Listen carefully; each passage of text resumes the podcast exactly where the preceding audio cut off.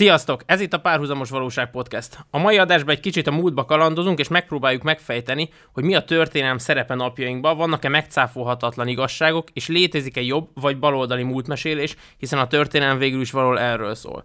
Állandó beszélgetőtársam Apkarovics Juca barátom. Sziasztok, üdvözlöm a hallgatókat! Mai meghívott vendégünk pedig dr. Gali Máté, a Rubikon Intézet tudományos főmunkatársa. Sziasztok! Én pedig Orbán Gergő vagyok.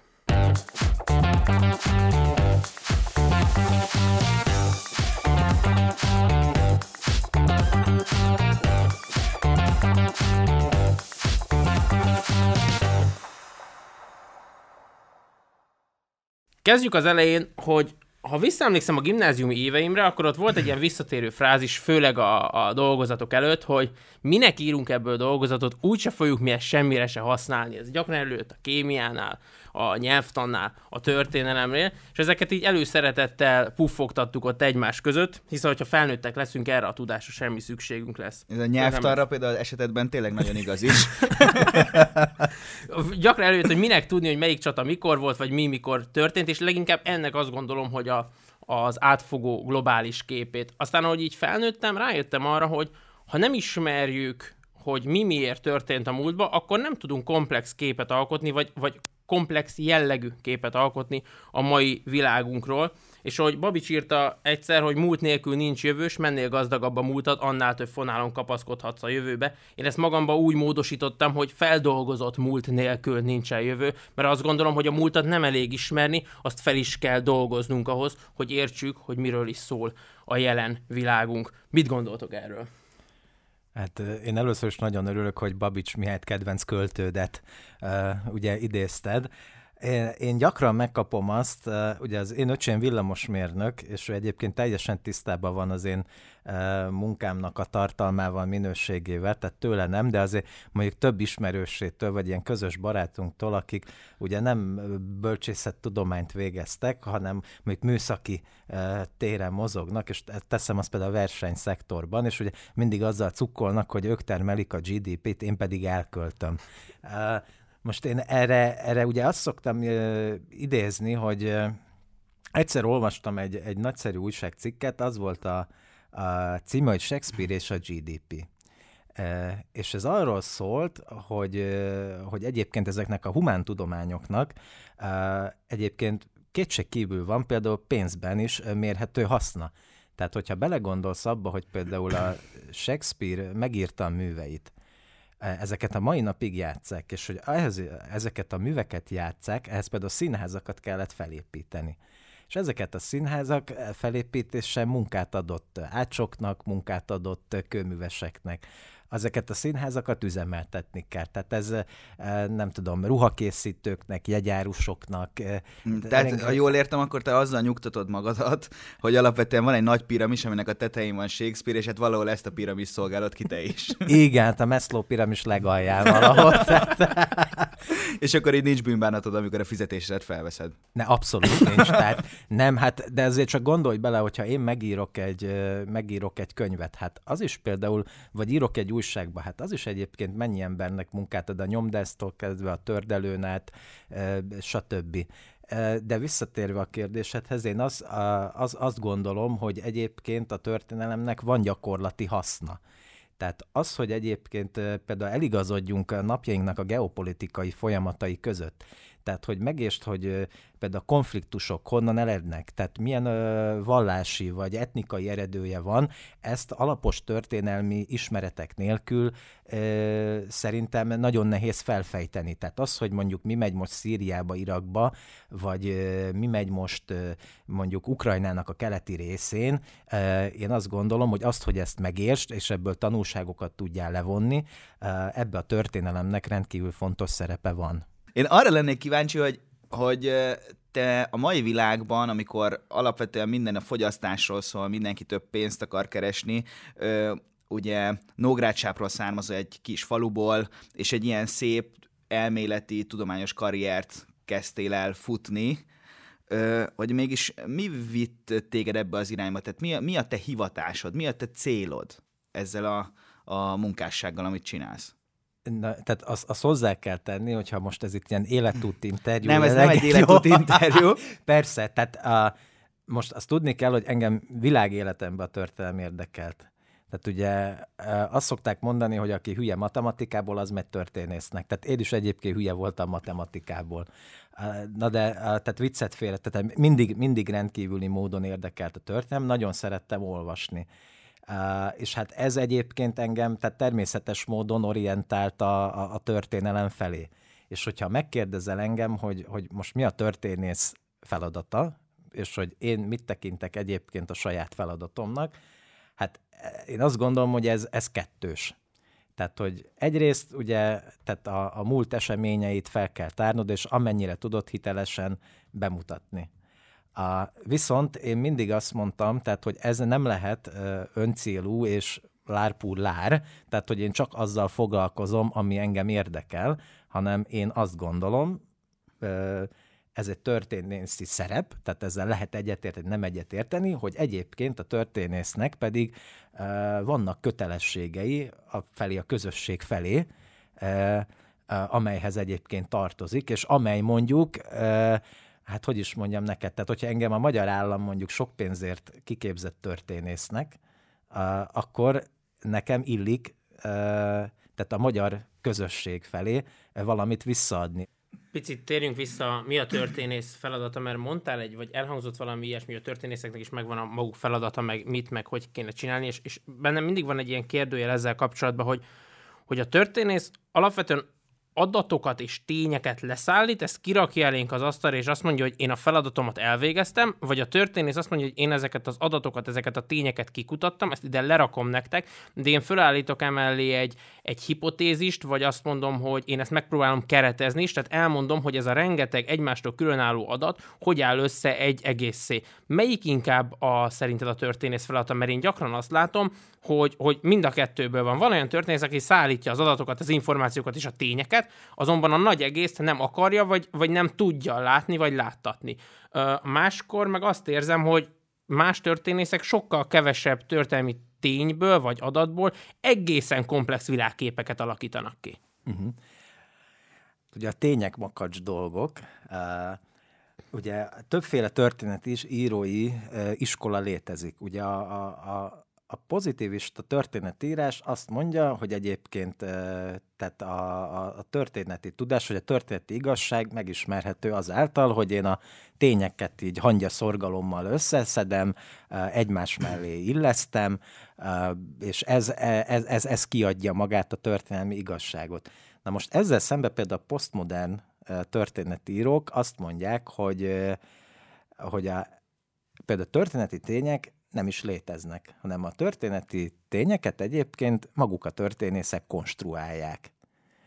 Uh, tehát uh, például van egy Hayden White nevű uh, angol száz történész, aki nem tartja magát uh, nem tartotta magát posztmodern történésznek, de a posztmodern történetírókra nagyon hatott. Ő pedig azt mondta, hogy ez az egésszel az a baj, hogy ugye amikor te elkezded tanulmányozni a történelmet és a forrásokat, akkor a források nem adnak neked teljes képet, ugyanis tehát amiben forrásokból dolgozol, azok óhatatlanul is töredékesek. Tehát nincs meg minden forrás, esetleg ezek a források hamisak, és ez miatt például te soha nem állíthatod, hogy te az objektív valóságot meg tudod ismerni. Tehát akkor ez valahol olyan, mint az újságírás, azt gondolom, hogy napjainkban nem. Tehát, hogy az újságíró is csak nem a múlt eseményeiből, hanem a jelen eseményeiből különböző források segítségével összerakja a saját világkép, a saját elgondolása szerint, hogy mi is történhetett, vagy mit miért csinál egy kormány, egy ember, egy párt, egy cég, egy akármi, teljesen mindegy, milyen jellegű újságírásról beszélgetünk, vagy akár egy futballklub. Mm-hmm. Tehát ebbe a tekintetbe tudunk egyébként párhuzamot ö, vonni az újságírókkal, illetve a másik ehhez kapcsolódó kapcsolódó ilyen gondolatom az az, hogy, hogy beszélhetünk-e objektív történelemről, mert amit te itt elmondtál, abból én azt szűrném le, hogy gyakorlatilag nem. Mert megvan az a választási lehetőség, hogy én a források közül ezt vagy azt vagy amazt választom ki, és ugyanígy, amilyen mondjuk az én neveltetésem, vagy ahogy hozzáállok. Hiszen például mondhatja azt egy alapvetően balos vagy erősen balos történész, hogy a, a Kádár korszak az alapvetően a kisember megvalósuló paradicsoma volt, mert mindig jutott egy kicsit előre, hűtő volt, Trabant előbb-utóbb lett, lakás volt, stb. Míg mondjuk, hogyha a másik oldalt megnézzük, akkor azt tudjuk mondani, hogy az ország eladósodottságának a kezdete, amikor az egész hitelből volt finanszírozva, és azért is tartunk ma ott, ahol, mert olyan adósságot hagyott a rendszerváltókra az a korszak. Uh-huh. Én azt gondolom erről egyébként, hogy amit a Matthew felvázolt, hogy létezik ez a pozitivista iskola, aki ö, szigorúan jéghidegen a tényekre alapozva ö, állít valamit, és ugye létezik a másik iskola, ami ö, kontextusba próbálja helyezni a, a történéseket. Ez így papíron, ahogy a Matthew elmondta, két egyenlő méretű serpenyő. De valójában mi azért beszélgettünk, azt gondolom erről, és azért ez a témája ennek a mai beszélgetésünknek is, mert valahol a mainstream felfogás az mégis az, hogy hát alapvetően a tudománynak annak ilyen pozitivistának kell lenni. És ugye az én személyes véleményem, és ahogy, ahogy ö, kiveszem a szavaitokból, a tietek is alapvetően az, hogy, ö, hogy szkeptikusak vagytok ezzel a pozitivista felfogással, és én azt gondolom, hogy szerintem ez, ö, ez ott gyökerezik, hogy a mai világunkban alapvetően mindent mérünk. Tehát az iskolától, a munkahelyeken át, a gazdaságban, tehát mindent a mai ember értékhatárokon belül szeretne ö, elhelyezni. És, ö, és ebből következett az, hogy alapvetően már nem a most kvázi a, a tudásra, a, a dolgok valós megértésére törekszünk, hanem, hanem arra törekszünk, hogy minél megfoghatóbb legyen, legyen, legyen az egész. És, és ez egy nagyon érdekes párhuzamot látok, ahogy ebből a, ezekből a folyamatokból kialakult az, hogy emberi minőséget jelző értéknek ö, tekintik ma például azt, hogyha valaki okos. És ezt én egy végtelen nagy tévedésnek gondolom, mert önmagában attól, hogy valaki okos, attól még az emberi minőségével ez semmiféle összefüggésben szerintem nincsen, mint ahogy az sincs, hogyha valaki buta, attól még lehet egy nagyon jó ember, de lehet rossz ember is, tehát semmiféle kapcsolatot nem látok. Tehát én valahol itt látom a párhuzamot. Uh, reagálnék akkor mindkettőtökre. Tehát először is Rocának azt, hogy ezzel a pozitivista megközelítéssel ez teljesen jól látod, én is szkeptikus vagyok. A másik, ugye itt szóba hoztat, hogy ki okos, ki buta, hát ez is egyébként relatív. Tehát, hogy az az okos, aki jó jegyeket szerez iskolába, vagy az, aki egyébként egy rátermett életre való ember. Tehát, és, és ki a buta, aki rossz jegyeket kap az iskolába, vagy, eset, vagy folyamatosan rossz helyzeteket, döntéseket hoz az életébe. Tehát igazából hiába próbálunk mindent mérni, minden, minden relatív. Legalábbis ebből a szempontból. Uh, és akkor Geri pedig ugye itt felvetett két dolgot, ugye az újságírás. Az Ablonci Balázs szokta azt mondani, hogy ő azért választotta témájául a telekipált, mert az egyetemen neki az egyik tanára azt mondta, hogy, hogy hát aki történész akar lenni, az, az, annak tudnia kell latinul. És hogyha ha nem tudsz latinul, akkor maximum újságíró lehetsz.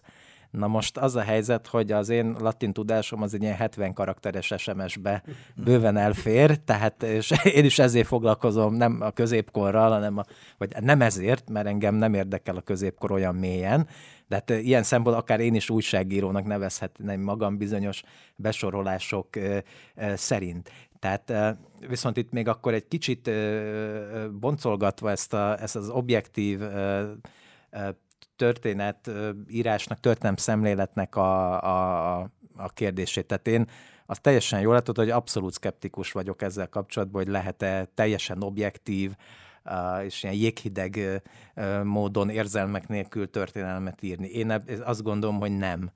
Tehát itt rengeteg szubjektív dolog játszik. Tehát például az, hogy te milyen témát választasz kutatási témát, az már egy szubjektív dolog az, hogy te a kutatás során mit ismersz el történelmi ténynek, amit te a kutatásod tárgyába te bevonsz, tehát ez is, hogy te milyen forrást uh, ismersz el történelmi ez is egy szubjektív dolog. És az, hogy szerintem jól megfigyelhető, hogy történészekre például nagyon hat egyébként a neveltetésük, a családi hátterük, tehát hogy például nekem a nagyon kedves egyetemi tanárom, Sipos József, ő például egy nagyon szegény szabolcsi paraszt családból származott, és ezért őt rendkívül érdekelte a paraszt mozgalmaknak a története és a paraszt pártoknak lett Nagyatádi Szabó Istvánnak, aki az egyik legnagyobb formátumú magyar paraszt politikus volt, lett a kutatója. És én, én azt gondolom, hogy, vagy kis túlzással, tehát aki azt mondja, hogy objektív, hát azt maximum úgy tudom elképzelni, hogy egy, egy barlangban él, ahol, ahol nem jön hozzá, tehát nem, nem érik külső inger. Nem érik külső Igen, csak amikor fölteszem azt a kérdést is emellett, hogy gondot jelente ez, mert szerintem alapvetően nem. Tehát az, hogy valaki uh, nem objektíven áll egy téma, hiszen nem lehet szerintem objektíven állni, pont az érzelmek, a neveltetés mi egymás miatt, amit te is elmondtál, viszont azt gondolom, hogy a probléma ott alakul ki, amikor valaki magára akarja húzni ezt az objektív köppenyt, hogy ő bizony teljesen objektíven áll hozzá, és semmi szubjektivitás nincs az egész dologban, és ő mindent kizár, ő csak és kizárólag a tényekhez ragaszkodik, és akkor azt látjuk, hogy ez lehetetlen, vagy legalábbis megpróbálja magát eladni így, és egyébként elhitetni másokkal is, hogy azért higgyetek nekem, mert én objektíven állok ezekhez a dolgokhoz. Szerintem a probléma itt kezdődik, nem az, hogy valaki szubjektíven értelmezi, akár az újságírás, tehát hogyha van egy deklaráltan baloldali lap, az nyilván fogalmazzon meg mondjuk újságírói véleményt úgy, vagy értékelő híreket olyan szemüvegen keresztül, ahogy egy jobboldalinál ugyanígy igaz. A történelemnél is azt gondolom így van, de hogyha valaki baloldaliként vagy jobboldaliként fogalmazza meg, és közben azt állítja magára, hogy de ő végig objektív, na az azt gondolom, hogy az emberek átverése. Tehát a szerző által összegyűjtött ö, ö, tényekre alapozva,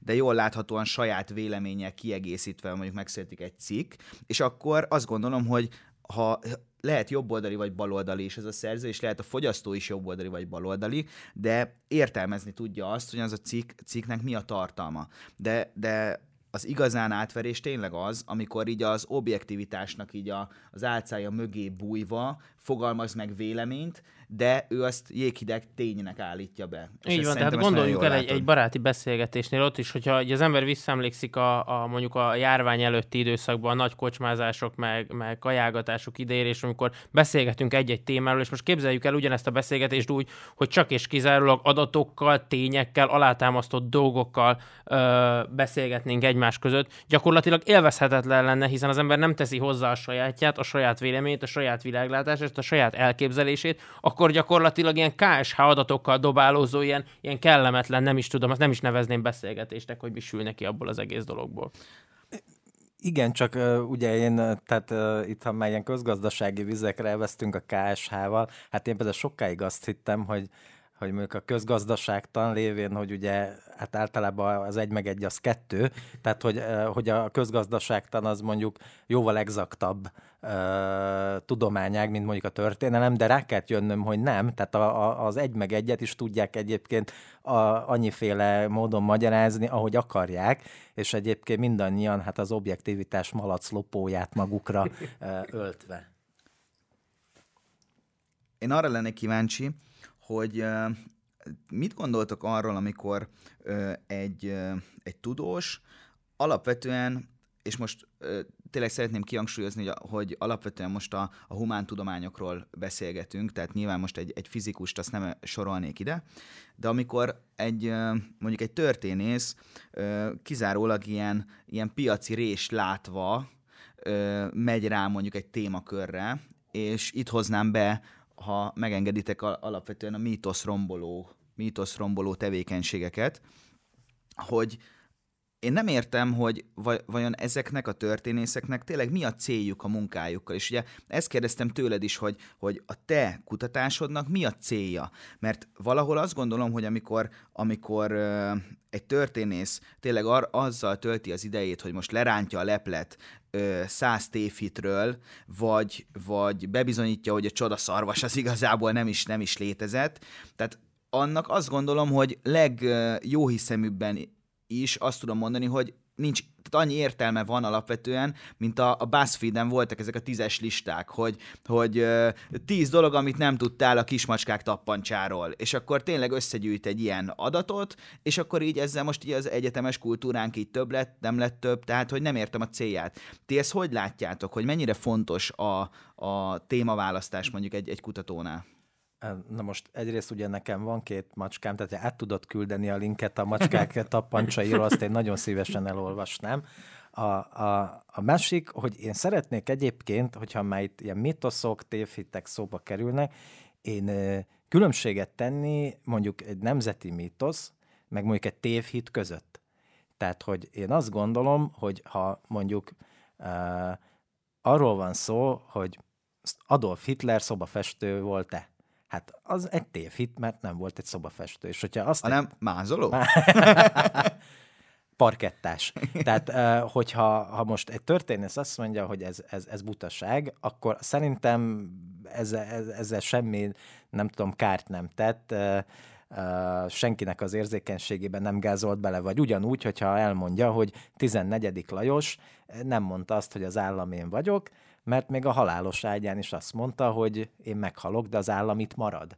Tehát, és ezzel szembe például vannak uh, mítoszok, amiknek van egy, uh, egy, egy identitásképző, egy, egy, egy, egy közösségteremtő és egy, egy, egy hagyományát örökítő funkciója. És én megmondom őszintén, hogy én ezekkel kapcsolatban ez, ez csak az én magánvéleményem, tehát ezzel lehet más történet, történész kollégák nem értenek egyet, tehát mondjuk ezekkel kapcsolatban én mondjuk megengedő vagyok. Hát igen, de ez, ez, ez nagyon fontos alapvetően azt gondolom, mert amit én a bevezetőben, hogy kezdtem, hogy azért ez egy múlt mesélés. Igen. Tehát uh, arról nem is beszélve, hogy nyilvánvalóan a történelem során nem lett minden dokumentálva, így még azt mondom, hogy lehetnek és lesznek is mindig olyan fekete foltok, amiről nem készült írásos anyag, vagy tönkrement, vagy akármi történt, tehát olyan is lesz, amit azért nem fogunk tudni megfejteni, hogy pontosan hogyan is történt, mert mondjuk tényleg nincs róla dokumentáció. Csak amikor itt visszatérve a Joca kérdésére, hogy ezek a mítoszrombolók, van nekünk egy közös nagyon jó barátunk, aki, aki azt mondta többször, hogy, hogy ez a, ez a mítoszrombolás zajlik az egész világon jelen pillanatban, aminek az egyik kicsúcsosodása a BLM mozgalom, amikor ugye megkérdőjelezünk mindent és mindenkit, akinek szobra van, ledöntjük őket, és mindenkire ráhúzzuk a rasszista, vagy kirekesztő, vagy bármilyen ö, bélyeget, és és egyébként tényleg ebbe az irányba tart a világunk, és hogyha most belegondolunk a saját történelmünkbe, könnyen lehet, hogy találnánk olyan embert a pesti srácok ö, köréből, 56-ból, aki mondjuk az első puska lövésnél eldobta a fegyverét, elmenekült, mert annyira megijedt. Ez, ez, ez fú könnyen benne van az egész dologban, és mégis mi nem úgy fogjuk őket az emlékezetünkben megtartani, hogy voltak a bátor srácok, meg nyilván ott voltak a gyávák is, hanem hogy a pesti srácok, akik küzdöttek az orosz túlerővel, akik megpróbálták kiverni innen az oroszokat, vagy nem visszaengedni, és nekünk ez azt gondolom, hogy ez egy nagyon szép emlék, és ennek így kell élnie. Tehát az a világ, amiben minden fundamentumunkat, minden gyökerünket kitépünk, és azt mondjuk, hogy nem, ezt mi meg tudjuk cáfolni, mert szerintünk, és ott már, és ott már egy kicsit a, a múlt ködébe vész, hogy valóban hogy is történt, az a nemzet el fog veszni, mert egész egyszerűen olyan gyökértelenek leszünk, mint amilyen irányba azt gondolom, hogy Nyugat-Európa tart, és akkor majd itt állunk múlt nélkül, megkérdőjelezett múltal, és azon gondolkodunk, hogy, hogy mi szar emberek voltunk, vagy van nekünk bármilyen múltunk, vagy hol is vagyunk mi.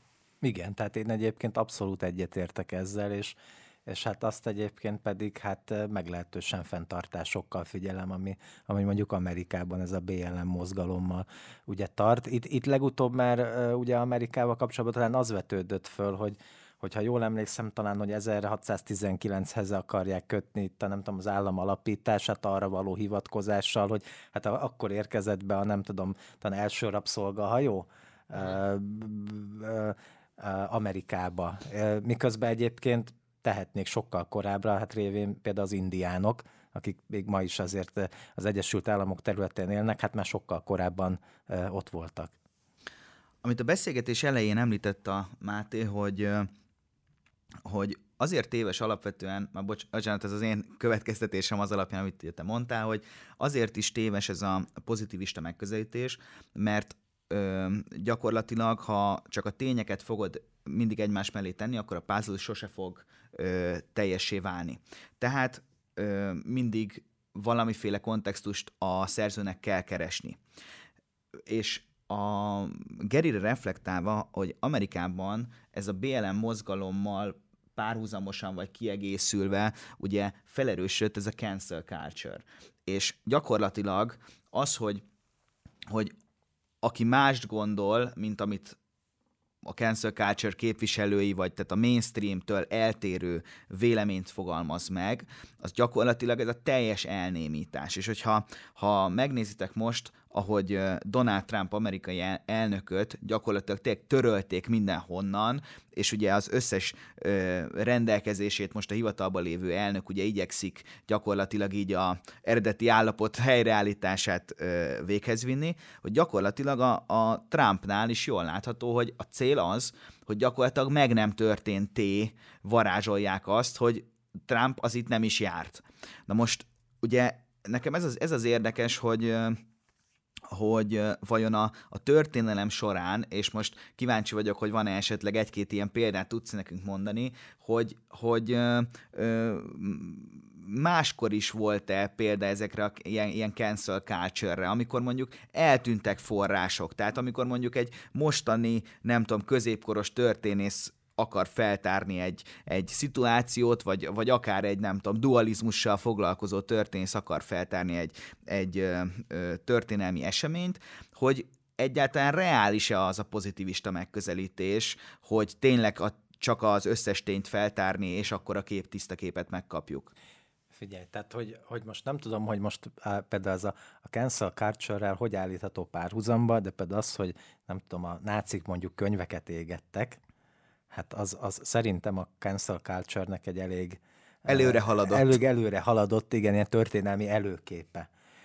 És egyébként hát de, de csak gondolj bele, te az cancel culture, hogy mondjuk nem tudom, a középkorba vagy az ókorba, pedig elfoglaltak városokat, és akkor ott lebontották a, a vallási szimbólumokat, és, és minden egyébet, ami mondjuk a, a közösségnek az identitását jelentette. Tehát például az asszírok, hát a középkorban ott konkrétan egyébként hát városok, nem tudom, lakos egy népeket telepítettek át a birodalmuk egyik feléből a, a másikba, és ezáltal teljesen a gyökereiktől őket elszakították, és hát így lehet egyébként őket a birodalom számára hűséges alatvalókká tenni de az, az meg nem cancel culture, tehát hogy tényleg, tehát az egyszerűen a, a történelemnek a viharai, hogy például források elvesznek, tehát hogy amikor én a, a doktori disszertációmat és a könyvemet írtam egy Berzevici Albert nevű kultuszminiszterről és akadémia elnökről,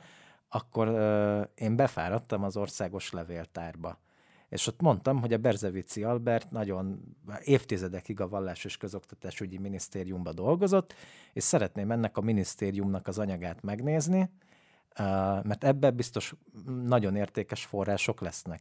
És erre közölték velem, hogy nem lehet, mert 1956-ban a levéltár kapott egy szovjet belövést, és rengeteg irat megsemmisült, elégett és például a Vallás és Közoktatásügyi Minisztérium iratanyaga.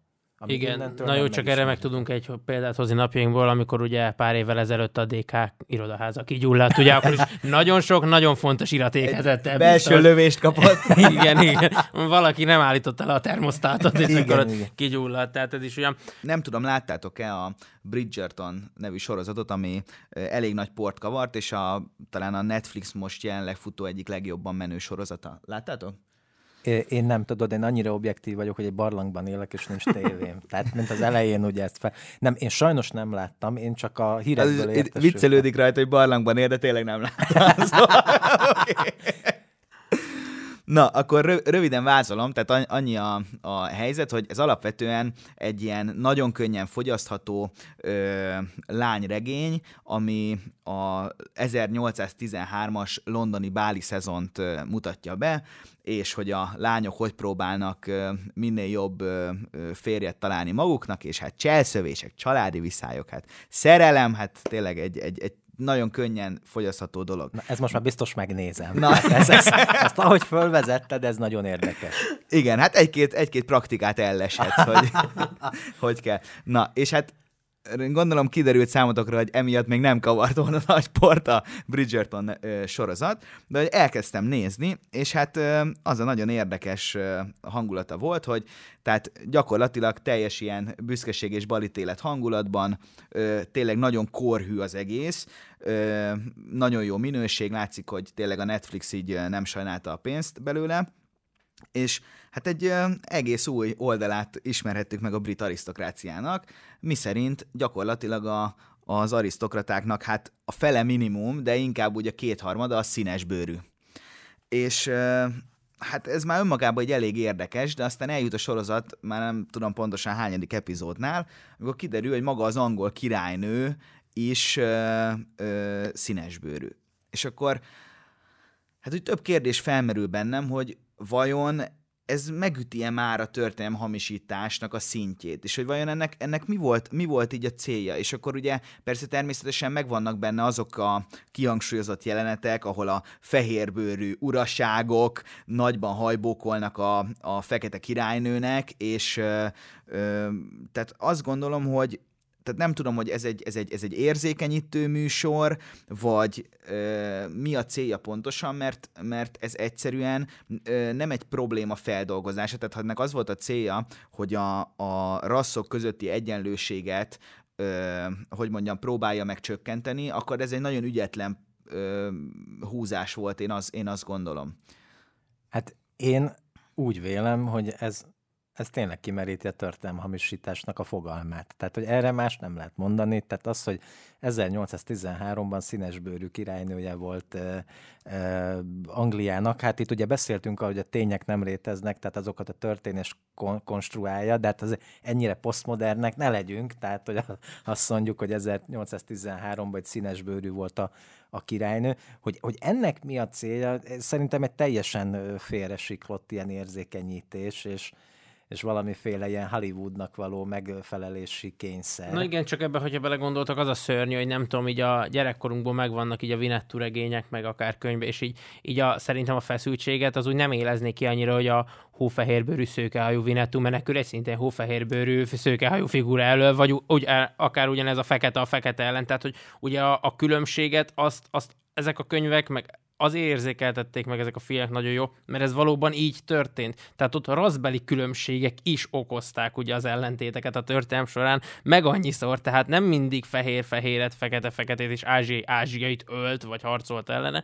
hanem igen, a raszbeli különbségek is a vallási mellett kiváltó okai lettek. Na, amikor ezt az egészet egy ilyen kagyvaszba összehozzuk, és hogy, hogy tudjátok, hát a mai világban már nem lehet úgy egy 1813-ban játszódó filmet megcsinálni, csak fehérek vannak vezetőbeosztásban, ahogy ez a fehér keresztény Európában volt, akkor, akkor ott, ott járunk, hogy ez egy nagyon jó mese, csak akkor nem tudom, mint a neveletlen hercegnőbe, tehát nevezzék, nem tudom, egy ilyen kitalált országnak. Hát legyen akkor... egy science fiction az egész, tehát Így van. én, én is ezt ez, ez gondolom. De mondjuk annyival talán legyünk megengedőbbek, hogy talán ők ezt nem akarják úgy eladni, mint hogy ez egy történelmi film. Na Tehát de, lehet, na de nekem ez... pont ezzel van a problémám, mivel, mivel annyira korhű, hogy ez az egyetlen dolog, tehát, tehát nem az van, hogy mondjuk, mint a, a tényleg ö, trónok harca, vagy nem tudom, gyűrűk ura, tehát amikor tényleg megjelenik, és hát senki nem gondolja azt, hogy ez most egy valós, tényleg így történt, bár nyilvánvalóan azért Dotrakinek lenni elég menő lehet, hogy összességében, de hogy, hogy tényleg ez, ez az egy része van, ami nem korhű, és, és pont ezért annyira ilyen hamiskásnak érzem, érzem hogy és ugye nyilván egy ilyen produkción is dolgoztak történészek, tehát ugye egy ilyet nem lehet korhű megcsinálni valódi szakértők nélkül. Persze csak kérdés, hogy most a történész ahhoz adta-e a nevét, hogy itt színesbőrű királynő lesz. Tehát, hogy mondjuk ő szakértő volt, és elmondta, hogy milyen, nem tudom, ruhát kell adni neki, hogy állítsák össze egyébként a, trónteremnek a berendezését, és valószínűleg a stáblistát azért nem adták elé. Tehát, hogy legalábbis nekem azért, tehát fölkérnének egy film szakértésére elvállalnám. Hogy Sisi és, hercegnő egy szakállas férfi volt. Igen, tehát hogy mondjuk a Conchita Wurst játszaná, érted, a Sisi hercegnőt. Apropó Conchita Wurst eléggé kigyúrta magát igen, egyébként. Igen, igen, tehát hogy most így elkalandoztunk itt a történelem vizeiről, de, de mondjuk azért visszatérve, tehát hogy, hogy mondjuk nálam azért az nem férne bele, tehát hogy azt mondják, hogy itt, itt ez a film, Matthew, ezt légy szíves, rendezzük be a, a, a, a tróntermet korhűen, de hogy a Conchita Wurst játsza a sziszit. Uh, és a nem tudom, a... Mennyire abszurd. Igen, tehát meg, és mondjuk a, izé, a Pumpet Gabó lesz a Ferenc József. Tehát, hogy, hogy arra én azt Legalább mond... férfi. Legalább férfi, igen, de, hát, de arra azért azt mondanám, hogy még én ehhez a nevem nem adom. Tehát én meg, megengedhetem azt, hogy eset, vagy megengedő vagyok, hogy látom, hogy a történész szakértők mondjuk nem tudták azt, hogy erre aztán itt ezek a hollywoodi producerek majd egy színesbőrű hölgyet fognak felkérni, hogy játsszák el Anglia királynőjét. Én legalábbis ez, ez nem adtam volna nevem. Kicsit menjünk tovább így az adás vége felé a, a jelenkorba, jöjjünk vissza a múltból, és, és kicsit vizsgáljuk meg azt, hogy a történelemnek uh, milyen szerepe van a mai politikában és a mai világunkban. Ezt azért kérdezem, mert gyakran elhangzott az a, az a tételmondat, vagy ilyen felvetés, hogy a múltból tudunk tanulni, és ez hozzásegít minket ahhoz, hogy a jelenben ne kövessük el ugyanezeket a hibákat. Valami ilyesmit mondott egyébként a szingapúri kormányfő is annó, amikor azt mondta, hogy amikor az országa egy nehézség elé kerül, vagy egy nehéz helyzetbe, vagy bármi, akkor ő azt mindig azt mondta, hogy sose keressünk itt gyorsan valami megoldást, hanem nézzük meg a történelmet, nézzük meg a többi országot, mert nincs itt 2020-ban, 2018-ban, bármikor nincs olyan helyzet, vagy nem lehet olyan helyzet, ami már ne jött volna elő valamikor a világ történelem folyamán, és akkor látjuk azt, hogy ők így reagáltak, ez jó volt, B, ők így reagáltak, ez rossz volt. És akkor ebből sokkal könnyebb kiindulni, mint sem az, hogy mi most leülünk, magunkra csukjuk az ajtót, mint a barlangos példát, és azt mondjuk, hogy na majd mi most megtaláljuk azt, ahogy ezt a, a világon még senki nem csinálta, hiszen ez a probléma még nem jött elő. És ennek okán vetődött föl bennem az a kérdés, hogy, hogy valóban ennyire egyszerű ez? Tehát tényleg ilyen exakt módon tudunk a történelemből tanulni, és mondjuk az ott megszerzett tapasztalatokat, legyen az rossz vagy jó, beátültetni a napjainkba, a, a gyakorlatba? Hát ugye itt mindig a Cicerónak azt a mondását szokták idézni, hogy a történelem az élet tanító mestere. Most nekem az a véleményem, hogy az elméletben... Köszönjük, Matyi, ez még egyszer sem hangzott el itt a műsorban, nagyon hát, hálásak vagyunk. ebben a műsorban nem. nem, két héttel ezelőtt, de... igen. Ne, hiánypotló volt, ne, hiánypotló nem akartak volt, Igen, igen, igen. Tehát majd még egy-két közhelyet azért igyekszem elsütni itt az adás végéig. Tehát... Az új mindig jobb, Stinson. Igen, igen.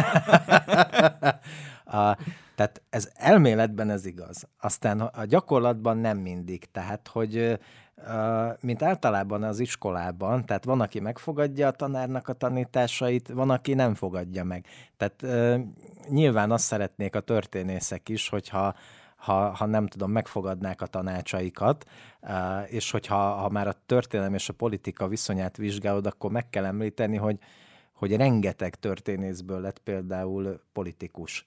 Tehát, hogy, hogy hát elég csak egyébként a, az MDF kormányra gondolni. Tehát Jeszenszki Géza, Fűr Lajos, Antal József, Katona Tamás, tehát lehetne, vagy Szabó Miklós az SDS-ben, tehát, de, de mondhatom Hóman Bálintot, a kultuszminiszter, vagy Henry Kissinger például, aki a Harvardon doktorált történelemből, és aztán az Egyesült Államoknak a, a külügyminisztere lett.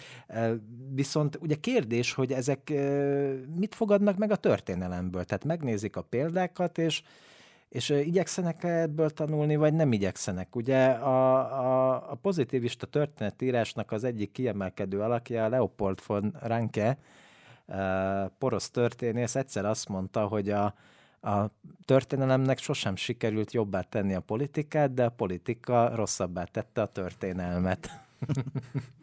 Legyen ez a végszó. Máté, nagyon köszönjük, hogy eljöttél hozzánk, nektek pedig nagyon köszönjük, hogy ma is velünk tartottatok. Ha tetszett az adás, akkor kövessetek minket YouTube-on, Facebookon és Instagramon, vagy bárhol máshol. Találkozunk két hét múlva, addig is vigyázzatok magatokra. Sziasztok! Sziasztok! Sziasztok! Sziasztok.